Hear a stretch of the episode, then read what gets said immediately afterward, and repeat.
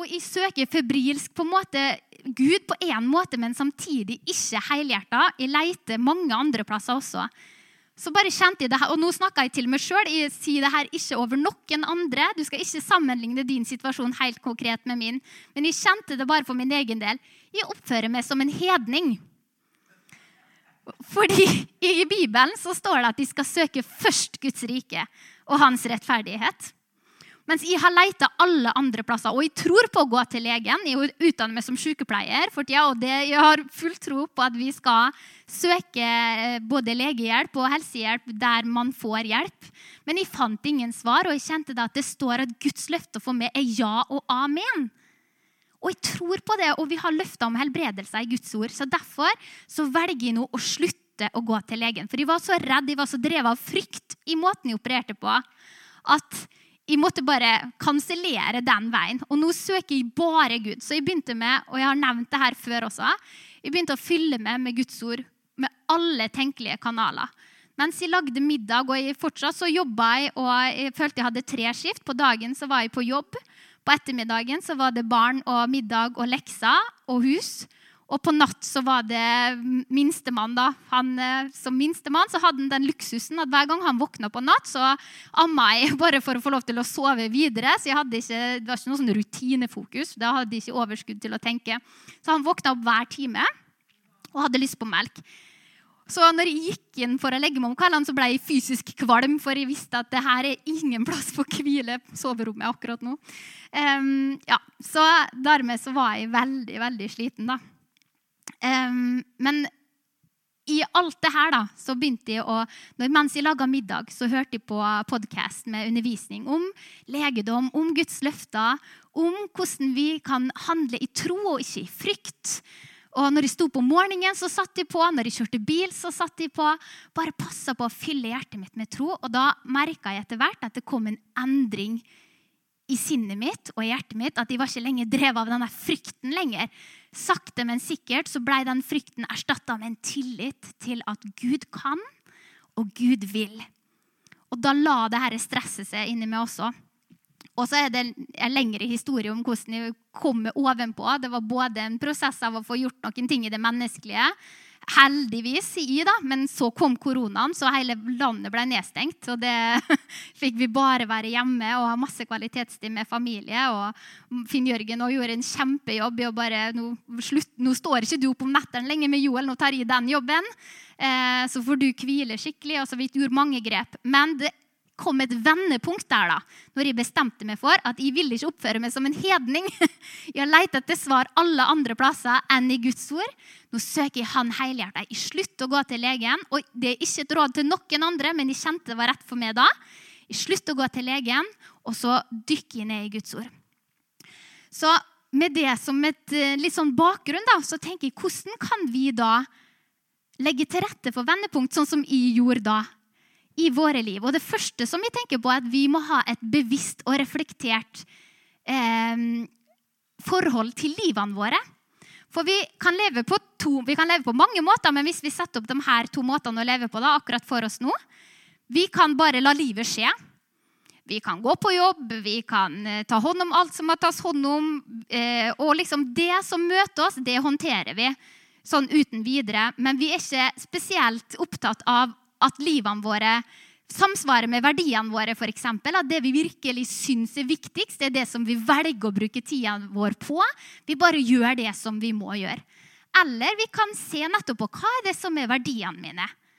Samsvarer det med hvor masse tid jeg bruker på forskjellige ting? Eller trenger å gjøre noen endringer der, f.eks. Eller hva, hvilke mål ønsker jeg å sette meg i livet? Og tar jeg de nødvendige stegene i dag for å nå de målene? Det var noen som sa noe som jeg syntes var så bra. De sa når er det beste tidspunktet å plante et epletre? Jo, det er for 20 år siden. Da har du de eplene som du så gjerne vil ha akkurat nå. Og det er et sånt godt poeng at hva er det jeg vil ha om 20 år? Da må jeg kanskje ta noen steg i dag. Og det å ha bevisst og reflektert, eh, en bevisst og reflektert tilnærming til livet At jeg veit hvor jeg vil, og jeg tar de stegene jeg trenger å ta for å nå dit. Og det kan være på alle mulige områder av livet. da. Så er jeg der jeg ønsker å være, Og jeg ønsker i hvert fall ikke å sitte igjen på slutten av livet mitt med masse anger på at jeg ga all min energi til jobb, eksempel, som er en sånn veldig klisjé, mens jeg egentlig skulle ønske jeg ga den tida til familien min. Men jeg tok bevisste valg på hva jeg ønska med livet mitt. Det tenker jeg er det første, for da kan man faktisk komme til en erkjennelse av at nei, livet mitt er ikke der jeg vil det skal være, og dermed åpne opp for en forandring. Eh, det andre som jeg tenker på, det er, og da er vi tilbake til den opplevelsen jeg hadde, det er å erkjenne at det er Gud som har svaret for meg. Og det er han i etterjaget for å finne det svaret. Ikke lete overalt. liksom, Kan du ha løsninga? Kan det her være svaret? Er det slik? Selvfølgelig kan vi bruke av vår hjernekapasitet til å sjekke ut ting. det er ikke det. Men at vi samtidig erkjenner at Gud er viktigst, han er størst, han er best, han er først. Det er han jeg tror på, har svaret for meg. Derfor så går jeg etter han. Og da har du satt en veldig bra forutsetning for en Guds inngripen i livet ditt. Og da skal vi bare se inn i evangeliene sånn eh, i landinga her. Og Jeg har lyst til å lese aller først fra Matteus evangelium, kapittel 3 og vers 1-3. Og da er vi helt i begynnelsen av Det nye testamentet. Tidenes vendepunkt. Da vi går fra Det gamle testamentet til at Gud sender Jesus ned på jorda for å starte en helt ny tidsalder. I de dager sto døperen Johannes fram og forkynte i Judeas ørken. Han sa, 'Omvend dere.' for himlenes rike er kommet nær. For dette er det han eh, For det er han det er talt om ved profeten Jesaja. Røsten av en som roper i ødemarken. Forbered Herrens vei. Gjør hans stier rette. Og da har jeg skrevet i min bibel at omvendelse forbereder Herrens vei inn i mitt liv. For noen ganger kan det være ting i meg som er litt stengsla for at Gud skal få gjøre det som han vil i meg. Det er ikke fordi han ikke vil og han ikke kan, men jeg har bare posisjonert meg utafor det som han ønsker å gjøre i mitt liv. For han kan ikke overstyre min vilje. Og omvendelse, hva er det for noe? Det er jo at vi vender oss bort fra én ting og vender oss til noe annet. Og det er vi igjen tilbake til det her med å ha en bevisst og reflektert tilnærming til livet mitt. Er det områder av livet mitt, eller kanskje med hele mitt liv, har jeg vendt meg bort fra Herren på dette området? Eller har jeg vendt meg til Han? Har jeg min oppmerksomhet imot Han? Har jeg min åpne favn åpen imot Han, klar til å ta imot ifra Han? Eller står jeg med ryggen til, enten bevisst eller ubevisst? Så det var det første som jeg bare ville åpne opp her med at omvendelse åpner opp, forbereder Herrens veier inn i livene våre. Gjør Hans stier rette inn i våre liv. Det gjør at vi er åpne og mottakelige for Han. Og Da har jeg bare lyst til å se på tre personer fra evangeliene som gjorde nettopp det, som hadde en aktiv tilnærming til Jesus for å ta imot ifra han. For at han kunne komme med sin overnaturlige inngrepen inn i våre liv. For det er jo det vi har sett seg søndagene her at vendepunktet handler om at vi bare ikke strever i vår egen kraft, liksom, hva er det jeg kan greie å få til, men at Gud får komme inn og gjøre noe helt overnaturlig, noe som er langt forbi hva vi kunne ha fått til eller skapt. Og Da har jeg aller først lyst til å se på Markus kapittel 5 og vers 21. og det her er denne kvinna med blødninger.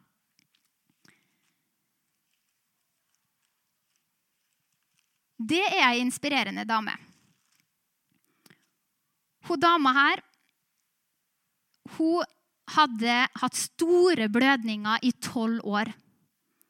Og Vi som er damer her, vi kan bare forestille oss hvor fortvila situasjonen det må være. Og dere menn kan helt sikkert forestille dere det, dere også.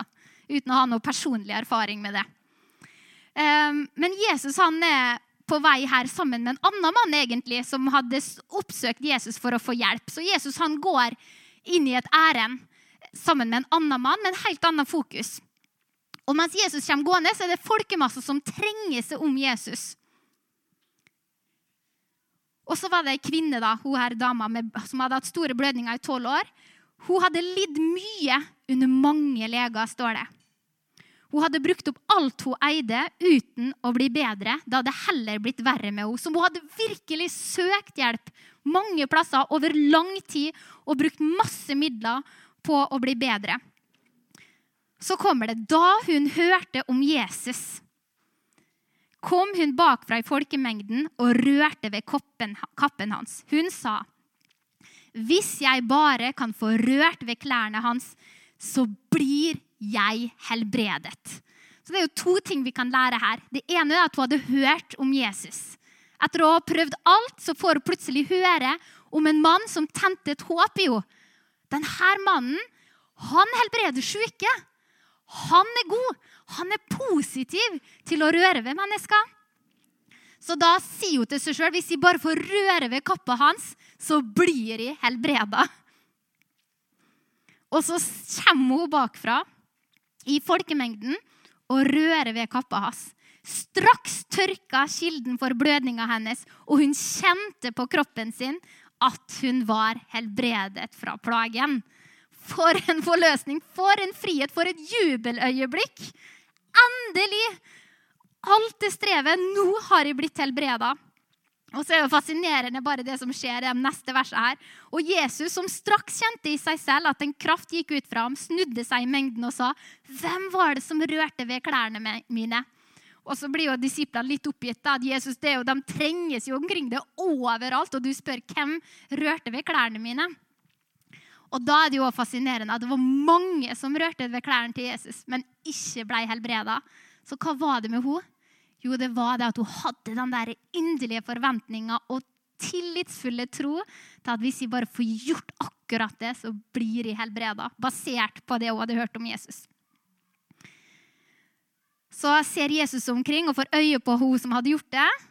Og hun kommer da redd og skjelvende, vel vitende om det som hadde hendt henne, og falt ned foran ham og fortalte ham hele sannheten, som om han skulle blitt sint på henne. Men da sier han, 'Datter, din tro har frelst deg. Gå i fred og vær helbredet fra din plage.' Så dette vendepunktet kan inspirere oss å komme med forventning til Jesus. Og Vi kan ikke akkurat røre ved kappa hans, men det var et kontaktpunkt som hun sa troa si til. Det kan være et annet kontaktpunkt som du setter inn forventning til. At hvis jeg bare får gjort det her, eller hvis jeg får altså, jeg kobler meg på Jesus på den måten som jeg kan koble meg på han i dag Og det er jo en kjempekilde i Guds ord. Jesus er ordet. Hvis jeg bare får tak i det ordet her, så blir jeg helbreda. Hvis det ordet her bare får gjennomtrenge seg ånd og sjel og bare få syde i minnet mitt og i tankene mine, jeg får gå grunne på det, så kommer jeg til å bli helbreda. For det står at han sendte sitt ord og helbredet dem. Sant? For eksempel, det kan inspirere oss. Kan vi koble vår tro til det? En, et annet inspirerende vendepunkt det er blinde Bartimeus. Her hadde Jesus kommet til Jeriko. Og Han gikk ut fra Jeriko sammen med disiplene sine. Og en stor folkeming øh, skal vi se, han, Da han gikk ut fra Jeriko sammen med disiplene sine, og en stor folkemengde, satt den blinde Bartimeus, sønn av Timeus, ved veien og tigget. Og Det var jo deres liv og på en måte deres skjebne. Når de var blinde, så kunne de ikke jobbe. De hadde ikke sånne hjelpemidler som vi har i dag. Så Da måtte han tigge for å få midler til livet. Og da han hørte at det var Jesus fra Nasaret som kom, begynte han å rope og si, 'Jesus, Davids sønn, ha barmhjertighet med meg!' Da var det mange som truet ham for at han skulle være stille. Og det som vi bare tar til meg gjennom den historien her, var jo det at han For det første så var han jo frimodig da, i sin søken etter det som han trengte. Han visste at Jesus kunne helbrede, så når han ser ham, så begynner han å rope han hadde en frimodighet og en forventning til Jesus. Men de andre begynner å hysje på han og true han til å være stille. Og da ble han stille. Nei, han ble jo ikke det. Han trossa normene, og det var det andre som slo meg når jeg eh, tenkte på denne historien. Han trossa normene og andre sine meninger om hva som var innafor og ikke. Og han bare fortsatte å rope. Han ropte bare enda mer, står det. 'Davids sønn, ha barmhjertighet med meg.' Da stanset Jesus. Så noen ganger må kanskje vi òg gjøre det i vårt søken og i vårt eh, etterjaging etter et mirakel eller et vendepunkt. Så må vi kanskje trosse forventningene til folk rundt oss og kanskje gjøre oss litt upopulære, eller at folk blir litt ubekvemme rundt oss for vi oppfører oss litt rart eller merkelig eller uvanlig, men fordi vi er ute etter noe. Og vi vet at Jesus har det. Og det er ikke fordi han er uvillig. Det er ikke det det handler om at vi trenger å tvinge fram en løsning for det verset som vi siterte til å begynne med, at i ham så er alle Guds løfter ja og amen. Så vi har allerede fått det. Vi bare jobber med å posisjonere oss sånn at vi får tak i det. Det er oss vi jobber med her. Det er ikke Gud vi driver og bearbeider, men vi bearbeider oss sjøl. Da stanset Jesus og sa at han skulle bli kalt fram.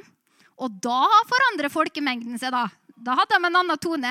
Så kalte de på den blinde og sa til ham, 'Vær ved godt mot!' Ja, Da var det en annen låt. 'Stå opp, han kaller på deg.' Han kastet av seg kappen sin, reiste seg og kom til Jesus. Og Så spør Jesus hva kan jeg gjøre for det, og så sier han Rabuni at de kan få se. Og sier Jesus til ham, 'Gå av sted, din tro har frelst deg.' Med det samme kunne han se, og han fulgte Jesus på veien. Så han fikk sitt vendepunkt. Han her kan vi lære av, og vi kan bli inspirert av han til å etterjage det som vi trenger. Vårt vendepunkt, vårt mirakel. Og sistemann, det er Sakkeus. Da går vi til Lukas evangelium, kapittel 19. Sakkeus han gleder meg til å treffe en dag. for Jeg ser for meg at han er en sånn finurlig, interessant, eksentrisk type. Um, Jesus han kom inn i Jeriko og gikk gjennom byen. Og se, det var en mann som het Sakkeus, som var overtoller, og han var rik. Han ville gjerne se hvem Jesus var, men han kom ikke til pga. folkemengden, siden han var liten av vekst. Ja, Så kunne han jo slått seg til ro med det. da. Nei, jeg kommer ikke til i folkemengden, for jeg er liten av vekst. Og så snur han og går hjem igjen eller til det han egentlig skulle holde på med den dagen. Så kunne historien stoppa der for Sakkeus. Men han gjorde ikke det. Han hadde en aktiv innstilling. Så det Sakkeus gjør, han sprang i forveien, og så klatra han opp i et tre. Og det er ikke helt normalt for en rik mann. En voksen mann, en rik voksen mann som eh, på en måte har en viss posisjon i samfunnet, og klatrer opp i et tre for å få øye på denne Jesusen. Da Jesus kom til det stedet, så han opp, festet blikket på ham og sa, 'Sakkeus, skynd deg og kom ned, for i dag må jeg ta inn i ditt hus.' Jeg syns det var en interessant formulering. Så skyndte han seg og kom ned, og han tok imot Jesus med glede. Men da de så det, klaget alle og sa, 'Han har tatt inn som gjest hos en syndig mann.' Da sto Sakkeus fram og sa til Herren, Se, Herre, jeg gir halvparten av alt jeg eier, til de fattige. Hvis jeg har tatt noe fra noen ved falske anklager, så gir jeg tilbake fire ganger så mye. Jesus sa til ham, I dag er frelse kommet til dette hus, for også han er en Abrahams sønn. For menneskesønnen er kommet for å søke og frelse det som var fortapt. Så her ser vi litt det samme som blinde Bartimeus, som trossa normene og det normale, og som gikk ut av sin egen vei, ser vi kanskje spesielt hos Sakkeus, for å få et glimt av Jesus. For å bli bedre kjent med denne mannen som virkelig har fått tak i nysgjerrigheten hans. Og Jesus ser opp til ham og sier i dag må jeg gjeste ditt hus. Så hva er det vi trenger å gjøre? for å få tak i det som vi trenger å få tak i. Om så bare det å kjenne han mer. Jeg har vært så veldig på det her i mitt eget liv i det siste at jeg vil ikke være tilfreds med å bare la dagene dure og gå. på en måte. Jeg har lyst til å kjenne Gud mer. Jeg har lyst til å leve tettere på han. Om det ikke er akkurat et konkret mirakel som jeg søker eller trenger akkurat nå, så vil jeg søke ham for den han er. For han er vidunderlig. Han tilfredsstiller som ingenting annet gjør. Han er god. Og så lengter han også etter i fellesskap med oss å gjøre noe med verden omkring oss, med de menneskene som vi møter. Han ønsker å berøre dem. Og hvis vi kan posisjonere oss innenfor han, så kan vi også være en kanal for han til de menneskene som er rundt oss. slik at Når vi berører mennesker, så kan han berøre mennesker. Når vi snakker til mennesker, så kan han snakke til, han, til dem. Fordi vi er på plass innenfor han, og det, det lengter jeg etter. Og da har jeg bare lyst til å koble det tilbake til første punkt. Det her med å ikke bare la livet dure og gå, men å ha et bevisst og reflektert forhold til eh, forhold til livet. Er jeg der som jeg vil være? 20 år fra i dag, hva vil jeg tenke om livet mitt akkurat nå? Gjør jeg det som jeg har lyst til å gjøre? Samsvarer livet mitt med verdiene mine? Jeg er ganske sikker på at alle her kan helhjertet si at de har lyst til å leve med Herren. Jeg, eller jeg har bare jeg har lyst til å utgjøre en forskjell her på jorda. Jeg vil at livet mitt skal legge igjen et fotavtrykk som har betydning etter at de har forlatt herfra som har betydning inn i evigheten, er kanskje enda viktigere for oss.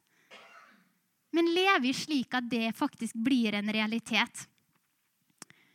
Og Da har jeg bare lyst til å gå til Paulus sine ord. Paulus han sa, 'Ikke slik å forstå at jeg allerede har nådd det,' 'eller at jeg allerede er blitt fullkommen,' 'men jeg jager framover, så jeg kan gripe tak i det' ettersom Kristus Jesus også har grepet tak i meg. Brødre, jeg tror ikke om meg selv at jeg har grepet det. Men ett gjør jeg. Jeg glemmer det som er bak, og strekker meg ut etter det som ligger foran. Jeg jager mot målet, mot den seierspris som Gud fra det høye kalte oss til i Kristus Jesus. La oss altså, så mange som er modne, ha dette sinn og hvis, tenker, hvis, dere tenker annerledes i noe, skal også Gud åpenbare dette for dere. Så la oss gjøre som Paulus, da. Og ikke være tilfreds her vi er i dag, eller tenke at ja, men jeg har allerede sett det, jeg har allerede grepet det, jeg har allerede nådd det. Men bare strekke oss ut etter det som ligger foran. Det er alltid mer å hente. Vi er ikke tilfredsstilt med det som vi har i dag. Vi vil ha mer sammen med Gud og mer av Gud i våre liv. Så det tror jeg får oppsummere vendepunkt denne sommeren. Vi har sett hva Gud kan gjøre. Og det var og Svein snakka sammen her bak i stad. Det her er det som jeg også har sagt til mange. Det har vært så trosstyrkende. Det vekker virkelig opp forventning til hva Gud er i stand til å gjøre, og at han virker. Og vi blir så vant til disse historiene. Jeg lever jo i det her i min egen familie. Vi har jo opplevd så mye herlig i min egen familie, men likevel så har man en tendens til å bli så fortrolig med det at du nesten glemmer at det har skjedd, eller hvor fantastisk det er at det faktisk har skjedd. Og Gud han har så mye mer for oss. Så la oss gjøre som Paulus. Jage framover, så vi kan gripe tak i det ettersom Kristus Jesus har grepet tak i oss.